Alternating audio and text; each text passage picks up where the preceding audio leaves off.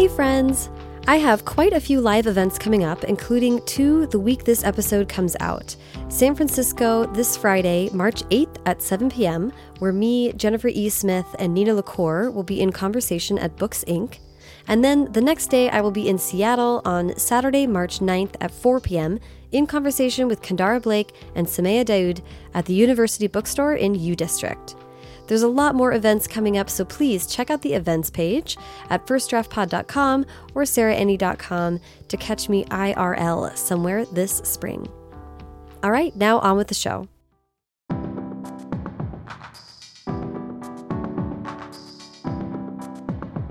Welcome to First Draft with me, Sarah Enni. Today I'm talking to Soman Chainani, New York Times bestselling author of the School for Good and Evil series. The newest book in the series, A Crystal of Time, is out now. I loved what Soman had to say about the insidiousness of triumphant good, how tutoring taught him discipline, and the epic battle of Serena Williams versus Maria Sharapova. So please sit back, relax, and enjoy the conversation. Hi, Soman, how are you? Good. I'm excited to talk about writing for once. I feel uh, like I talk about everything but the actual process. Really? Okay. Yeah. Well, we are going to get into a little of the personal stuff. Okay. But yeah, definitely very interested in hearing about writing. And I have a question about Maria Sharapova coming up. Oh, so get ready for that. Get ready for fire to come out of my nose. I'm so ready. So on my podcast, we like to do a little bit of background. So I'm going to go way back and mm-hmm. ask you where you were born and raised I was born in Miami, Florida. in Miami. I was I born. heard you lived on an island. it was a little island off Miami called Key Biscayne. okay. and it's connected to Miami by a bridge. And when I was younger, I never wanted to be on the island, so my entire life was based on getting to Miami. So like going, like every day I was just across that bridge. And whenever anybody would ask where I lived, I would say Miami, because it wasn't cool to be on the island. Interesting. Now it's cool to be on the island. So when I go down to visit my parents, I never leave it. Like That's so interesting. I hide there. And literally, I've, I've been to Miami maybe what, like 20 times in the last five or six years. I've never left the island. Wow. That's Never. because now it's very fancy, right? Yeah, now they built a Ritz Carlton and a Starbucks and fancy hotels. And yeah, it's crowded also. Like Yeah. in a way that it never was growing up. It used to be nothing. Is it and like a lot of the background that I'm where I'm coming from is I just heard listened to your Tim Ferriss Mm, podcast. yeah, so yeah. You got a little bit into that there. Is it more diverse than it was when you were growing up? I mean, we were the only Indians on the island back then. We were the only brown people on the island. I never saw a black person growing up on that island. Is it more diverse now? There's more tourists. Mm. So I feel like with more tourists comes just a, a bigger section of the population. Yeah, But yeah. growing up, there was nothing. I mean, nothing. It was a tennis island. It was known for everybody there played tennis. Yeah, that's so interesting. I think it was because it was like a training ground Mm-hmm. for a lot of. So the only thing I remember about the island growing up is either you played tennis or like you weren't part of the culture. There were so many tennis courts. I mean, it's a tiny island. There's not that many people on it, but our condo alone had 20 tennis courts. That's like the court to population ratio. yeah, it was so like- ridiculous. It just everybody played tennis. That was like the the sport of Key Biscayne. Wow. How, Um, how old were you when you picked it up? Six. Okay. I mean, my whole family played. It was just sort of the natural way. Everybody played, but I was the one who loved it. Yeah. I'm like totally obsessed with it. Okay, well, we'll get to that because yeah. I'm very curious about how that's part of your process. But how was reading and writing a part of growing up for you? I read late. I know that. I remember because I remember lots of people fussing. Do you know when you're late to something and, and adults don't want to make you feel stressed about it, but you notice there's an increasing number of people talking about it? Mm-hmm. Mm-hmm. That's what it was. It was like suddenly my dad was talking about it, and then I would find myself the teachers talking about it, and then I would be going every Tuesday at four o'clock to talk to a random specialist about it.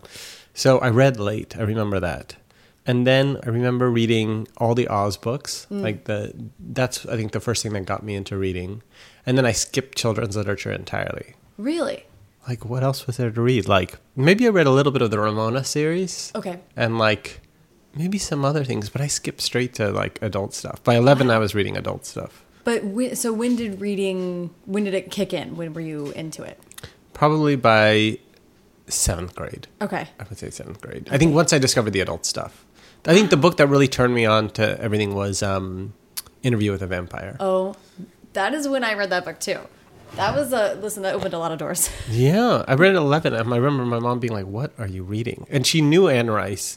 And the other crazy part was at the time, if you hear footsteps, that's uh, Dougie, the French bulldog, piddling around in the apartment. Um, Anne Rice was known for her erotica back Mm-hmm. then. She used to write under under a different name. And so after I read Interview with a Vampire, I wanted to read everything she had ever written. And so I found all the erotica, and that's what really got me reading. I mean, the fun, the best way to get kids reading, not kids, but like people reading who don't like to read, is give them something that's a little controversial. Do you know what I mean? And as a kid, I was reading it and being like, "What is this stuff?" And at twelve and thirteen, being obsessed with it. And I think that's what got me into it. Is this whole like other world and like I just was so kind of entranced by the sensuality of her writing and all that stuff. I Well- remember my parents being horrified, but you know, Uh, I talked to Renee Ahdieh about this because we she also read that series and Yeah. she was describing it as like it's a very id book. yes, And that's Yes. like very much opening. I mean, like Fifty Shades of Grey or like Mm-hmm. all these books. It's like what what Twilight? What actually gets people reading? it's just some primal thing that they're not getting elsewhere in the world. They see the expression of what they're not allowed to feel on the page. Yeah. And I feel like Anne Rice really used to be good at that. She's quite terrible at it now, but she was very good at that in the beginning. And I feel like that's what, and I think my parents understood it because they knew I was reading stuff I wasn't supposed to be reading, but they also felt like there was no harm. Mm-hmm. Because the thing with reading versus watching something is when you watch something, it can be beyond what you're ready for because it's being fed to you. When you're reading, all you have is whatever is in your head as your so you're limited by your own imagination. So if you're not ready for it, what's great about it is you don't understand it. You just sort of you gloss by it. Yeah. And so I think sometimes parents, especially in this day and age, there's a lot of like censorship of material and like this is appropriate, this is not appropriate, and this is what age this is for. And I really feel like reading is the one thing where you can let your kid just run in the sandbox and don't worry, their head's going to be the limiting factor at some yeah. level. Yeah. Yeah. So- I love that, and that's uh, important for your series too, because I think you get we'll get into it, but Mm-hmm. Yeah, you yeah. cover a lot of ground there. Um, that kids might be at varying levels of understanding. Absolutely. Yeah, yeah. Um, so I want to like do a crash course Mm-hmm. of some stuff I know about your bio because you've talked about it so many times. We don't have to get too into detail. Oh, yeah, yeah. But your history with Disney, Mm-hmm. we kind of have to cover that. I grew up a total Disney child because my family didn't have cable or internet or video games or any of that stuff. And so we just had Disney movies in the house. Like, you know, my grandparents really felt like Disney was the connecting factor between everybody. And so they just bought every Disney movie on tape. And um, that's all we had for most of my childhood. So all I remember from my childhood is watching every Disney movie again and again and again. So I knew them all by heart. And I think it's only when I went to college and I went to Harvard and ended up in this fairy tales class there. That's that's a really famous class, and you know a lot of people love it because it's fun, it's different. But for me, it was sort of the seminal moment of learning the original stories that were mm. so different from the Disney versions, and I was like, okay, like how is it that everybody in the world is growing up with these versions? That are so wrong, and it's okay to have a different version of a story, but not a version that inverts the moral. Mm-hmm. You know and it, so all these disney classics disney now is is obviously changing the way it tells stories. But back then you know you looked at the little mermaid you looked at the lion king you looked at all these stories and often the villain had done nothing really all that wrong you know especially in the case of the little mermaid. And so i think that preyed on my mind. Like why did we grow up with these versions of the stories that were not only false but sort of inverted the moral? And the only reason you would win at the end is you were you were cute or good looking Right. you know or or made a good stuffed animal at disney world. So that really really sort of stayed with me. And i started i think thinking about like how do you get our generation of readers back to those stories somehow? Yeah, and to me, it, strikes me that basically you're saying that the Disney movies was in, in place of reading for a lot of your childhood. 100% Like Yeah. those were your those were the stories. stories. 100% those were those were the stories. And so you know also because and this is what i tell parents all the time the visual cannot compete often with the book so i was probably reading Roald Dahl in school and all that stuff. But you can't compete with the images that disney's feeding you especially if you're watching those things hundreds of times. Mm-hmm. So you know you get sort of suckered into into believing that stuff and i don't think you have the same problem in europe or other continents because they grow up with those Grimm stories. Mm-hmm. They know them. And so the Disney versions to them are just a different version. Mm-hmm. I go to schools, I do 100 school visits a year, and these kids have no idea that the Little Mermaid is supposed to die. Do you know what I mean? Like, they, the, the idea of it is crazy to them. So, yeah. Well, when you took that class, I mean, obviously it started a process of imagination Mm-hmm. for you as an adult, but did it feel like it seems like it might have been like disillusioning for a lot of your childhood? I think it was that I felt all of a sudden that everything I'd sort of believed about the world and, and good and evil and all that stuff felt a bit fake. Hmm. But I still was a Disney loyalist. I wanted to work for them and all that stuff. So I think I just ended up being a little confused. Yeah. because also the fairy tale culture from where it came from what's great about it is that there's so many different versions of everything. So it's very confusing. Every culture has its own red riding Hood- hood story and snow white story and beauty and the beast story. There's no like single version. And so there was this like definitive disney versions and then all these other ones. So you know i think ultimately what I wanted to do was understand what the point of a fairy tale was. Like why did they exist? You know, and and Disney's was to peddle this myth of happily ever after, right? That good always beats evil. And then when I studied really in depth in, in college, because I, I basically majored in fairy tales over the course of four years, I realized that those stories were for a very different purpose. It was to prepare kids to survive in the world, right? Mm-hmm. And to get kids to learn all the lessons of of survi- uh, surviving on their own because their parents wouldn't be there to help them. And the more you look at the idea that good always wins and you know reach for your happily ever after, the more you realize it's a, a little bit insidious because especially in this world you don't even know who's good. Everyone thinks they're good, right? Like every everybody thinks they're good. Everybody thinks the other side is evil, and I think that's what the original fairy tales were trying to teach us: is that everybody, you know, everybody has good intentions. It's the question of what you do that's going to make the difference, and that's what that's what we're missing from the Disney stories. I think. Yeah. So I'm curious just about this because it's a tough thing to think about having this. I'm curious about your relationship with Disney now. Mm. Like, you're still a fan. I think you said that you went to Disney World like 40 times or something. More like sixty times. yeah. Uh, and like you know we all are sort of understanding and disney itself is changing because i think we all are starting to. Yeah, understand 100%. there's limits to to maybe his original vision or how he Mm-hmm. thought about things how do you keep that in your head now and you're building your own sort of alt disney yeah, world Yeah, yeah.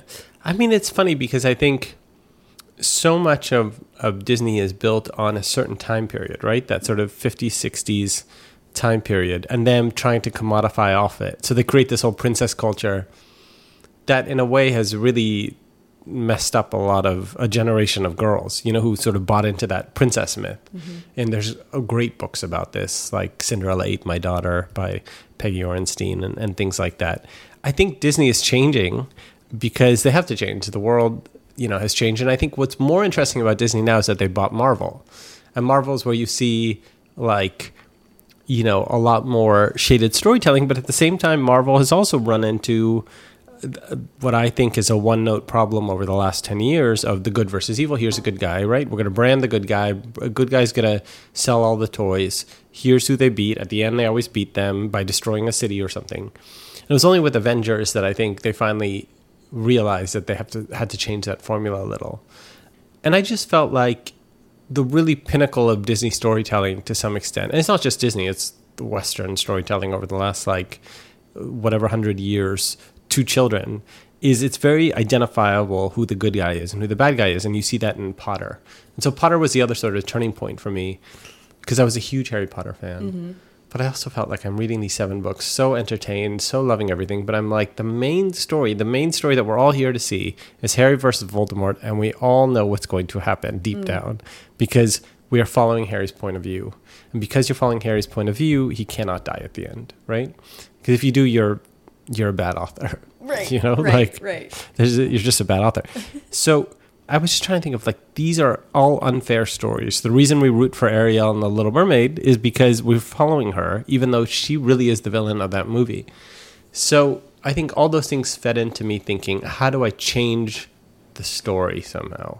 Yeah, that's so interesting. Yeah. Okay, so I want to do a quick dip into film. Yeah, And then absolutely. come back to how the uh, School for Good and Evil came, because actually it's sort of fed into that. Mm-hmm. Your first experience with movies. Talk to me about wanting to do movies and then what that experience was like the London time. Yeah, I think the thing with film was I never thought I would be a novelist because it sounded too hard. Like, what are you supposed to do? Like, sit in a room and write? I just didn't understand the lifestyle. It made no sense to me. So I, I never considered it really. I wanted to go into film because it was collaborative and I thought it would be fun. And so I went to film school. You know, I came out of film school with a script that was getting a little bit of heat on Hollywood, got an agent, um, was supposed to direct my first movie in London, moved there, had gotten a bunch of TV writing assignments and things in England. So a lot of my career was in England for the first couple of years while I was preparing to direct my first movie that had a big cast. We were budgeted. Like, I was sort of living the dream of the hotshot uh, first time filmmaker. And this was before Netflix and all that stuff. Then the financial crisis happened, or, you know, that sort of extended period of time, and the studio went bankrupt. And I remember go, coming back to New York, and this was like literally, think about it. I had three years of film school and two years of working on this movie. So that was five years of my life that essentially went down the drain very fast. Right. You know, and I had no money. I had I was counting on this movie to basically pay my salary for the next couple of years, and everything disappeared. And so I came back here didn't know what I was going to do with my life, really. You know, so it was Yeah. like, okay, start from scratch. Went back to England to sort of clean up everything and, you know, try to interview for new jobs and new writing jobs. But now nobody wanted me because obviously all that stuff had gone away. And um, I remember walking through a park and had this image hit me in the head of a girl in pink falling into a school for evil and a, and a girl in black, sort of witchy, falling into like a glass castle, like a school for good. I just remember thinking to myself, oh, they are switched. Like they got put into the wrong places. And that stuck with me somehow. And I remember thinking, oh, that would be a really good idea. And as weeks went by, I realized that I just had so much more than that image. Like I had the whole world built out. And it was almost like it had been waiting.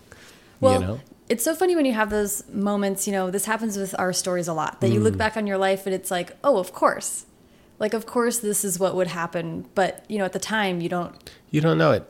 I'm convinced, and one of the things I want to get better at as I grow older is understanding the brain. Because the last few nights I haven't been able to sleep, and every time I get up in the night, I've been having these anxieties over nothing. But in the middle of the anxieties, I've had little thoughts about chapter 16 in the current mm. book I'm writing, and I'm just trying to work little things out in them and just sort of dismissing them and being like, oh, it's fine, it's fine. So I went into my editor this morning and she goes, uh, I have something to tell you and I know you're going to hate me. And I'm like, what is it? She goes, I think we need to get rid of chapter 16. And I remember fighting it and all that stuff. But, and of course, in the end, I agreed. But now that I look back, the last three nights, my brain was trying to tell me to get rid of chapter 16. It knew, like, it already had seen everything, it knew everything. But we just are very good at blocking ourselves. Yeah. I, I was. I, this came up a few times at BookCon and. BEA. I was like, you know, people might think that we're like eloquent people Mm-hmm. or no, you know, we can spin a good yarn, but we really write an enormous number of pages to tell ourselves very simple things. Like novelists, arguably, no less than anyone else. Yeah. we have to expend more words. Oh, absolutely. Where you're just, you know, you. I feel like my goal in life is to somehow understand my brain well enough that whatever comes out is what I mean. but I don't know if that will ever happen. If you achieve that, it I will be it'll ever happen. tremendous. That's why it's such a like kick in the nuts when like you're told to delete a chapter you spent a month on Yeah. because you know you're just you want to like yell at your brain like how did this happen like what is wrong with you but then you look back and you think you know maybe i needed to write it because i discovered all these things that then connected to the next thing Yeah. do you know what i mean Yeah. so but you don't know you, the, the creative process it's why like i always get in a fight with people who outline every beat of everything because i'm like but then you lose the whole magic of it but I don't know. Maybe some people have their creative flow during outlining, Mm-hmm. whereas I have it during the writing. You know, I think some people are better at writing an outline and then agreeing with themselves that they don't have to follow it. Right. I and I, that that can be tough. Like I think for someone like you, you're a very regimented person. Yeah. is what I learned by listening Yeah, to yeah, Tim 100%, yeah. and so once you make a plan, that is the plan.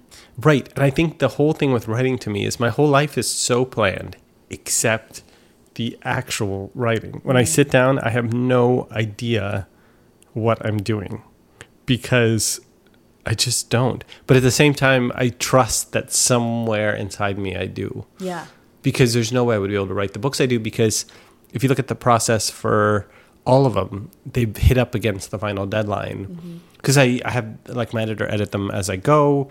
Like I never do um, rough drafts, so I never do a draft and then edit. really. Never. My the when I finish the book, it's done. It goes straight to press. Often the last three books have gone uh, three fourths of the book have literally been put to page proofs before I finish the first draft of the last quarter. Whoa. So I have to have total trust that my brain can like keep track of everything.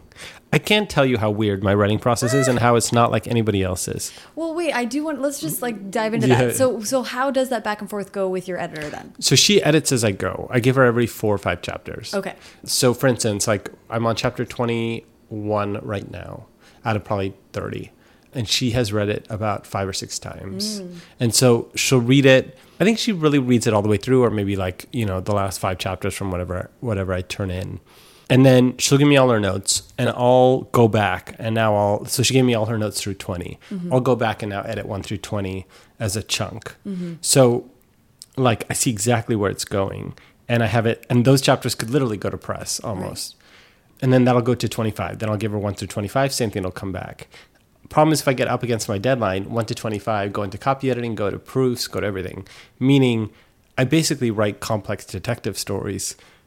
If my ending doesn't work and it relies on the rest of the book, it's over. You're all right? screwed. It's all like and so so that has not happened yet, but there was definitely a dent of confidence today when she was like, "Get rid of chapter 16," um, and she was right. So it's like a real balancing act because it's like building the building. You're building everything perfectly, and then you get to the top, and it better be, it better work. Right. You know, That's wild. That's a high wire act. it's tough. It's that's what I think is so stressful. But I don't know how to do it any other way. You know. Wow. okay, well, let's get back Yeah. to the the kernel of the idea. You ha- you're walking in a park. You have this this Yeah. image, but do you immediately start developing the story? How does it actually become? I thought it was going to be a movie. Mm-hmm. And so I started writing it as a treatment for a movie. And so I wrote like a, a very long treatment that was maybe like 90 pages. And I was like, this is really big. So I took it to a producer I'd worked on a project with named Jane Startz. And we had done a few sort of kid oriented film scripts together. And I said, I think this might be a book. And she looked at it and she goes, "Oh, it's definitely 100% definitely a book." And she had a lot of context in the publishing industry and things like that. And she really encouraged me to consider it as as a book series. And I think I was so tired of the film world at that point and how how many lies everybody tells and how everything can be taken away from you in a minute and you have nothing to show for anything.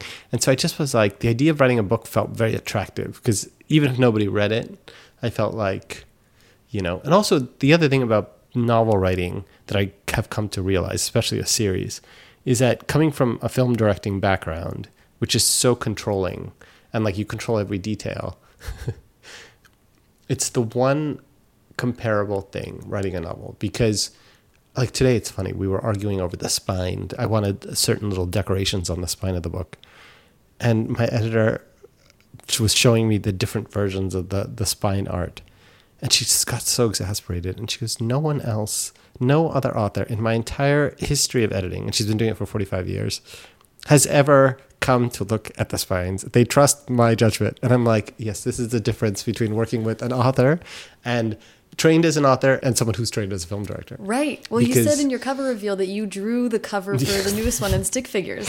uh, which I did. I think I'm, Harper has come to realize that having me live in New York is not an advantage for them. I'm just much more controlling about everything. But I also think, like, because I've had the same team for five or six books, it's just part of the process now. Yeah. And I, I think it's what I love about it. It's just the ability to not necessarily have control over everything. They've fight me all the time on stuff, but like have the ability to be like, okay, this is what I think, and not in the film world where you know all that stuff can be discounted by a studio and things like that. But you know, you you have a lot more say, I think. Yeah. Well, it's, so one thing I just want to get to a little bit. You sort of want to have control over the Mm-hmm. project, so you're developing it as as a book series, and then you talked on the Tim Ferriss podcast about tutoring Yep. and the separation of work and um, your creative work and money. Mm-hmm. Yeah. I just would love to hear. That seems like it's all of a piece to me. Yeah, I was also at the same time. Well, I had always been tutoring because I had no money, and so I was um, tutoring for the SAT and stuff, and I had built into a really big business. And so once the movie fell apart, I was tutoring really all the time. And once I got the book deal, which was probably like from when the movie fell, fell apart to when I got the book deal, was about, and I will tell you exactly, it was exactly one year. Okay. And so I had really sort of committed to tutoring in that year. And then once I started writing the book, I was also tutoring at nights. So I was, you know, writing the book nine to five and then tutoring from like six to 11, like seven nights a week. Wow.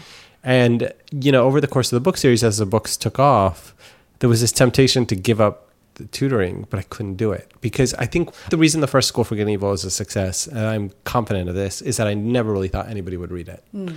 and I just felt like I could go for broke. There was there was no nothing at stake at some level, and I just put in every little inside joke and funny little thing I found and everything. It's a very free book, hmm.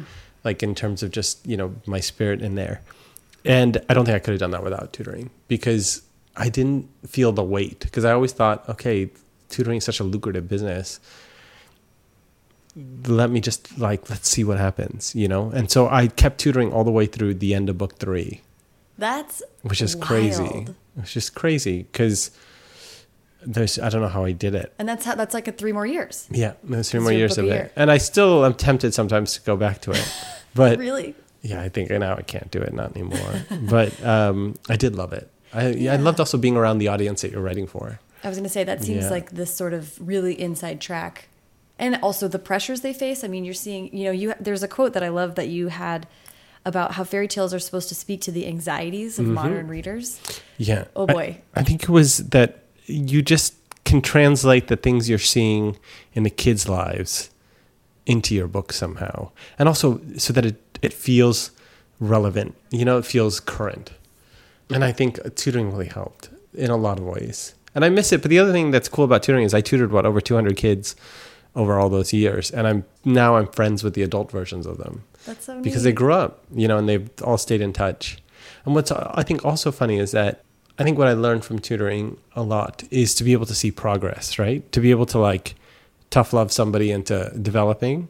And I think that helped me in my own sense of discipline to be like, look, like to get a kid to increase their SAT score, I had a tried and true met, uh, like method, and you could give me any kid, I could get their score up 300 points, and I knew how to do it, but it was a lot of work. Right. It was like they had to do a lot of work. They had to go and take a three-hour test, practice test every week, for like almost 20 weeks. And I thought, okay, if these kids can like go to school, have sports, do this, wake up on a Saturday morning, and go take a practice test for three and a half hours every Saturday, like, you know what I mean? Like the things you're putting them through, you start to put yourself through. yeah. You know. Yeah, and also I'm thinking about the way, the different ways that people learn. Seems like a shift in perspective, and I Mm-hmm. Think that's always useful when you come across a block like you're talking about when you're writing. Sometimes, like as a director too, it's like how would a movie solve this? Yes. How would a those are so useful. Yeah, just having different, being able to come at life from different experiences, you know. And I think what's often helpful for me, I don't know if anybody's ever done this besides me, but it works for me, is I'll send it to somebody. So like I'll send a chapter to my editor and then I'll I'll be there. I'll make her read the first few pages while I'm there, hmm. and I'll read it over her shoulder. Hmm. Because somehow reading it over her shoulder, I become her, and I see it totally different. To me, it happens the minute I hit send. Yes, that happens. A lot of people where you open it up in your email by opening it up in your sent mail, you read it differently. You're like, oh god, it's all terrible. It's really bad. Oh god. Yeah. Okay. So let's. So so. Before we get into more specific questions about School for Good and Evil, do you mind uh, pitching the series? Oh yeah. So School for Good and Evil is kind of a mashup of an alternate Disney slash Harry Potter world where these two girls who are best friends, Agatha and Sophie, live in this village where every four years two kids get kidnapped to go to this legendary school for good and evil to be trained as either heroes or villains. This is not like Hogwarts or other magical schools because no one wants to go. if you go to this school, you get kidnapped forever. You're never seen again. You never come home again. You reappear in storybooks, but no one wants to be kidnapped away from their family forever. So already there's a little bit of like trepidation about this school. And um, the only person in the history of the school who's ever wanted to go is this girl Sophie, because she dreams of being a, a princess. She's sort of your your classic, like twelve year old girl who dreams of being rich and famous and marrying Prince Charming and thinks she's too beautiful for her town. you know, we see that in every era of history. I live in um, Los Angeles, so I see that. Yeah, you see it. You see it walking down the street, and so her best friend is Agatha, and she makes friends with Agatha because a she's quite sure Agatha is getting kidnapped to the school for evil, and she wants to be friends with the person she's getting kidnapped with, and b she thinks it's a very good deed to make friends with the most villainous person in town, and she wants to do enough good deeds to make sure she's kidnapped to the school for good. And just like everyone predicts, you know, Sophie gets kidnapped and Agatha gets kidnapped because Agatha is sort of a vampire witch freak girl who lives in a graveyard and everyone knows she's like the witch of the town.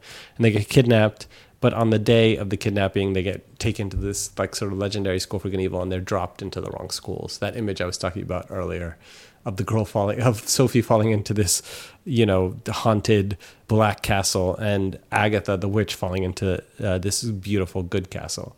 And why they get switched becomes sort of the the kernel for at this point massive series with over 120 characters and 60 different plot lines and who knows what else you know 120 characters. That's I- crazy. I heard you say that on the podcast, and I was like, "What?" it's funny because i hear my friends when we talk about game of thrones we we can sit there for three hours and be like but this this and what about this person and this mm-hmm. and whatever and now today i was talking to my editor with the assistant editor there and we were doing the same thing for two hours we're like well if you move this but then he was friends with that woman's sister and then da da da and you have to be careful because remember they had a son together and i was like oh we're at that point Yep, where one assistant's job at Harper is just to know your world better than you do.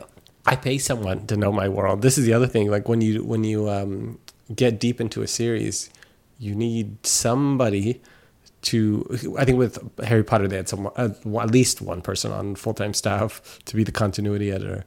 But I just pay someone to literally sit there and read every chapter word for word and be like, keep asking questions. Like, are you sure his eye color was brown? I don't remember it being brown. That's amazing. Yeah. But good for you, because that's you can't always trust yourself to remember those Yeah, things. yeah, especially with the kids who read this, that they'd kill me. Yeah, kids are that that came up a lot at BookCon too. Is people being like, uh, readers are so careful, and they will hold you accountable, Of course. um, even if it's in the movie or something Yeah. like that. Um, I want to talk about Sophie because I read a really an interview with you where you said she's a mix of Madonna, Mm-hmm. Maria Sharapova, and yourself. Oh God! No, it's an insult to myself to have Maria Sharapova in the same sentence. I don't know what I was thinking. Let's first of all establish your feelings about Maria Sharapova. Okay, so I'm a the biggest Serena Williams fan in the history of the world, and I don't know what it is, but what's funny about the the way life works is the way that certain personalities exist on Earth to be diametrical opposites, right? So the moment Serena played Maria in 2004, oh my God, 14 years ago. I was not a Serena fan back then, mm. but I remember her watching watching her play Maria, and I just remember the first time I ever saw Maria Sharapova, and I said, "I hate this girl," and she was only 17. And I just thought she is the worst, and Now, and I you don't were a know tennis why. player. Was Yeah. it something about her form? Is it anything to do with her game? It was everything about. I think maybe I'm allergic to the arrogance that comes with with not having accomplished anything, and yet you believe. You know, you just have this like inflated myth about yourself somehow, which is ridiculous to for me to to complain about that because that's how Serena Williams got great. You know, but it's just something about Maria. I think there was just maybe like some sort of entitled like attitude towards her that I just I don't know. She rubbed me the wrong way. Well, she seemed very princessy. She did. She seemed exactly like what's funny is she is Sophie, right? Everything mm-hmm. about her is Sophie. It's just this belief that she's better than everybody else. And I think that's what you know stuck in my head. And I think maybe the difference, be, but Serena was the same. And I think this is what if you actually look at the school for good and evil at some level, it's about the Serena Williams Maria Sharapova rivalry because that's what it's about. Two girls who are the same, but have such sort of different are sort of inverses of each other. And I think what was different about Serena is Serena's coming from Compton, California, has nothing, coming from nowhere, like, you know, fighting the fact that there's never been a black female champion, you know, for uh, whatever period of time. And so she was up against it. And where you had Maria, who obviously is coming from a completely different, you know, playing uh, at that point she was getting every endorsement you know she's getting she was everywhere mm-hmm. and i think what started to bother me is that culture had bought into it so even though serena williams was the best player in the world had won 20 something grand slams and maria had won like three maria was getting all the endorsements yeah and that is what like it just continued to bother me like why did the world reward somebody who wasn't as good because of the way they looked, right? Mm-hmm. And we're back to Disney. And mm-hmm. I think all these things sort of like fit into each other. This Disney mentality of, well, if you're beautiful, then you must be the best right. somehow. It's a strange narrative that Serena's still trying to break. Absolutely. And what's fascinating now is she turned it around, Serena. And I, the reason, the way Serena turned it around and ultimately now has all the endorsements and Maria doesn't, A, because Maria's a mm, drug cheat, but B, B which surprised no one. But B, the other thing was Serena called her out. I didn't call her out, called out the world. Did an interview where she basically said, "Look, if all these companies want to to not use me as an endorsement, even though I'm the best player in the world, that's if they want somebody white and blonde, that's their prerogative." And then it changed. Because the moment you say it, the yeah. moment you say it out loud, and I think that's what we were talking about before with the book series that do so well. As soon as you say it out loud, all of a sudden it's there. Right. You know and it's funny because ultimately Maria published her own mid-career autobiography, which to me is also ridiculous. But um, in the autobiography, she tries to to justify the the rivalry with Serena and stuff. And once she puts it on the page, it even more sort of highlights the entitlement and all these things that come with it. So it's an amazing rivalry, and I, I wish one day I could write a book about it because I feel like in that single rivalry, the history, the history of the world, the history of storytelling, everything is in there, and all of that stuff shows up in the books. Because I would say that Serena Williams to me is obviously, if you follow me on any sort of social media, is the single person I'm most obsessed with mm-hmm. uh, in the world, and I think having a villain for her, a real, real villain, in a way, made the story so much better. Right. You know, totally. That a villain the, who also never wins. Well, it's the the thing that's lacking from the Tiger Woods story is yes. that there just was never anyone who could even come close. Ultimately, he had to become his own villain. Yeah, that's is, so interesting. That and it's funny because I think this is just my theory. Allegedly, I don't think Serena would have come back from that pregnancy if Maria wasn't still around. I think there's this desire to to make sure she never wins again. I Love that. That's so funny. Okay. Well, I could talk to you about that all day, but we do want to talk about the series. Okay, so I'm gonna skip a little bit over to the newer books, which mm -hmm. is the, um, the the Camelot years, yeah. which is sort of the second trilogy in the Good and Evil. And by way of asking, in the initial series, the books were the book one's good versus evil, mm -hmm. book two is girl versus boy, mm -hmm. book three is old versus young. Mm-hmm. When you were looking at this new arc did you think in similar dichotomies about them? A little bit, but I also feel like one of the the things I wanted to experiment with was when you're in school, everything's so cut and dried, right? Mm-hmm. It's like so it's easy to be like, okay, the first three books are the school years, and books four through six are the Camelot years, and you leave the school in four through six. So I wanted the lessons to be not as elemental. So book four is about truth and lies which is more of a life lesson. Mm. Book five is about past and present. And book six, I'm not sure yet. So I just wanted them to be a little, I don't know what the word is, but loftier maybe yeah do you do you set out with that kind of a thing in mind or is that what reveals itself while you're writing no i know i know before i start because it's built it's so built into it mm -hmm. especially with the current one because the current one is about time but it's funny it's it's called the crystal of time and everyone thinks it's about time travel because they're like, what else can you do with time? And one of the lessons I wanted to teach kids with, and really adults with this one, is okay, you can do time travel, but how many times do we have to, like, you can't do time travel in real life. So what's like, what are we learning?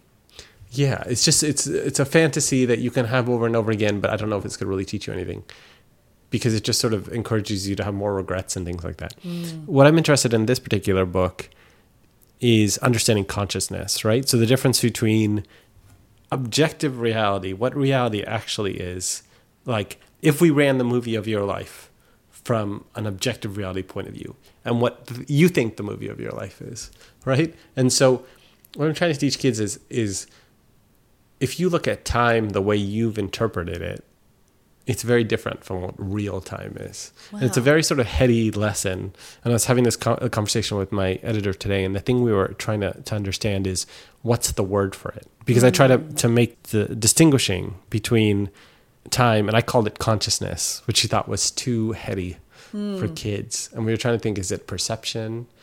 Is it, you know, your reality versus the reality? You know, Yeah, I feel like the multiverse thing is Yeah. something that kids are getting Mhm. into now, so you can sort of use that as a way in. Or it's like a commonly talked about thing, I guess. yeah.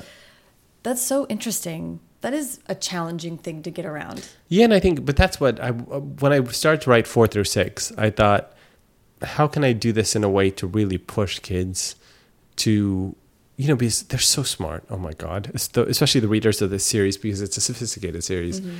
and you know, adults read them, and a lot of parents read them alongside their kids or, you know, after their kids, and so I want something that like forces everyone to think. And I thought with book four, it really messes with your head as to what's true and not true because the narrator becomes unreliable.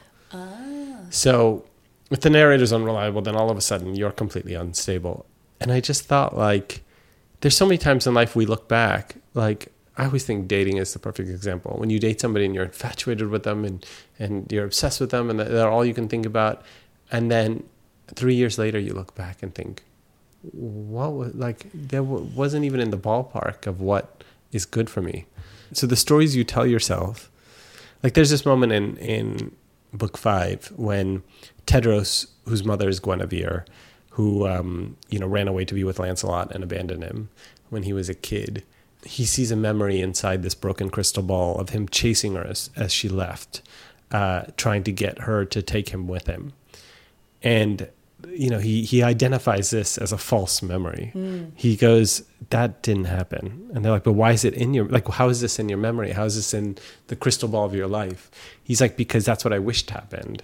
and I wished I had chased her, and I wish she had taken me, and I wish so much that that that's all I remember from that night. Hmm. So, and that's what happens, right? Like, there's so many times where we wish we had said something to someone, and we we say it so many times in our head, and we imagine it so many times that then that's all we remember. Right. It's what therapists do often. Like I remember when I saw therapists in my early 20s, they would often make me remember a bad situation, have me imagine how I should have handled it, and then that's what would make it go away.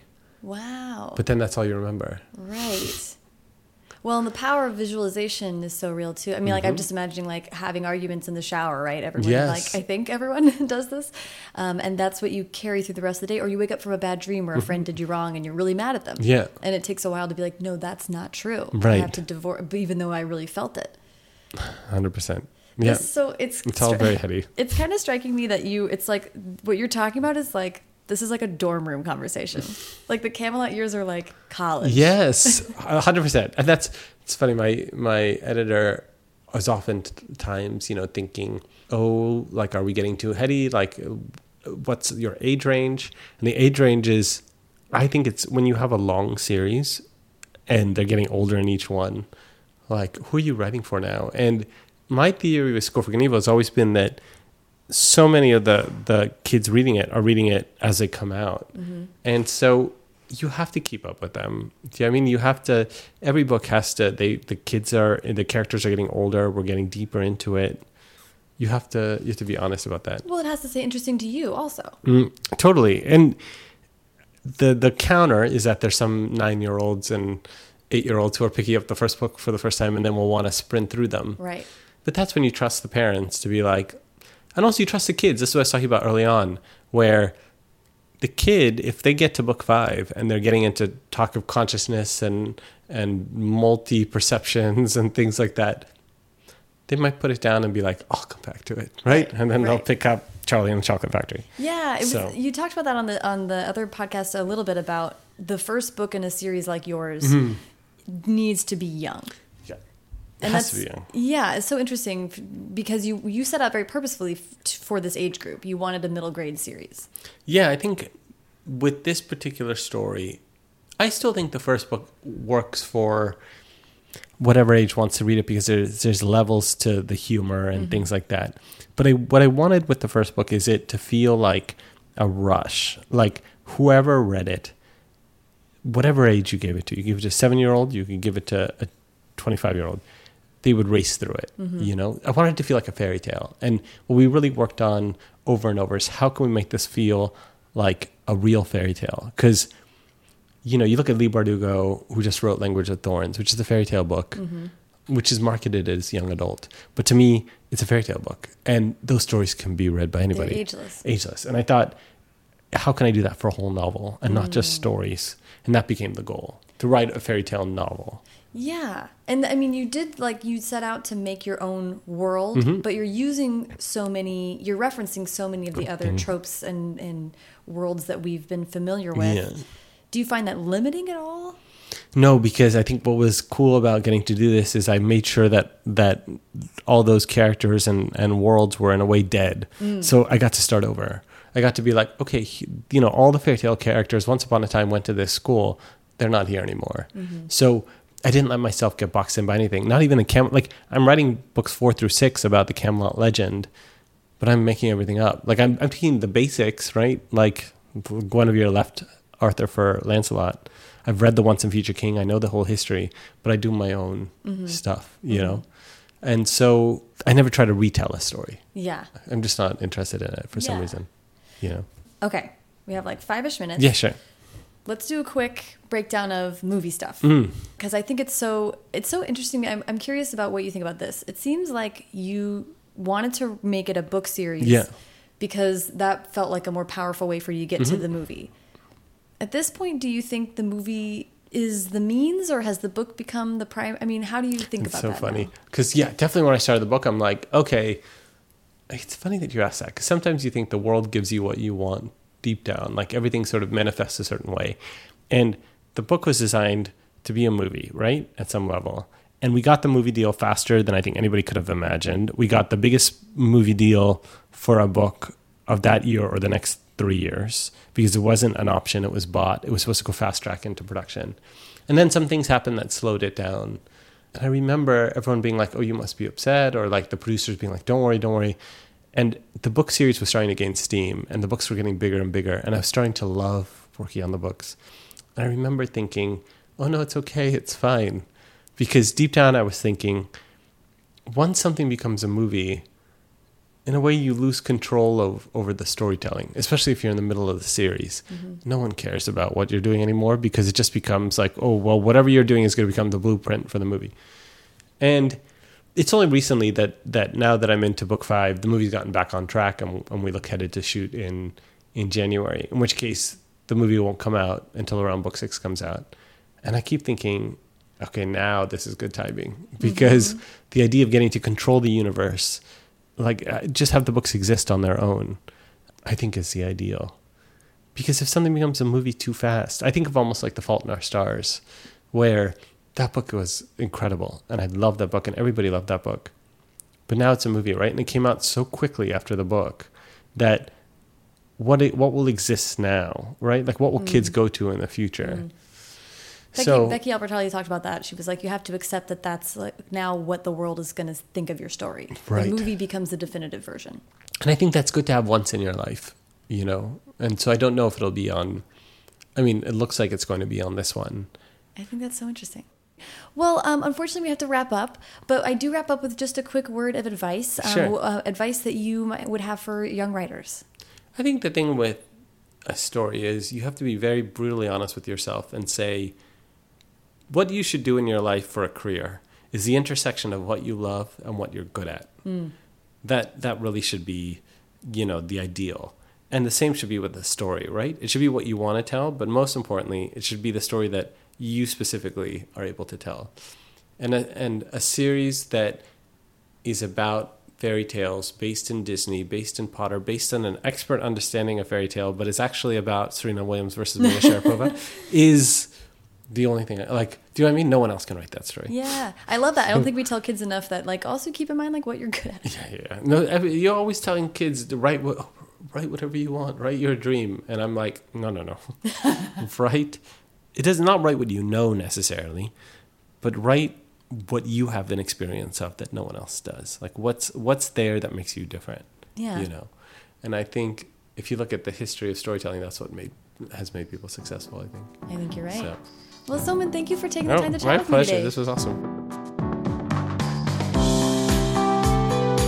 Thank you so much to Soman. Follow him on Twitter at Soman Chainani and Instagram at Soman C. Follow me on both at Sarah Enni and the show at First Draft Pod. There are links to everything Soman and I talked about in this episode in the show notes, available at firstdraftpod.com. As I mentioned up top, I have a lot more events coming up this spring, including in North Texas, Asheville, North Carolina, New York City, Boston, and more. So definitely go to sarahenni.com or firstdraftpod.com and go to the events page and uh, see if I am coming to a city near you. Haley Hirschman produced this episode. The theme music is by Dan Bailey, and the logo was designed by Colin Keith. Thanks to super intern Carter Elwood and transcriptionist at large Julie Anderson. And as ever, thanks to you, multiverse conscious listeners, for listening.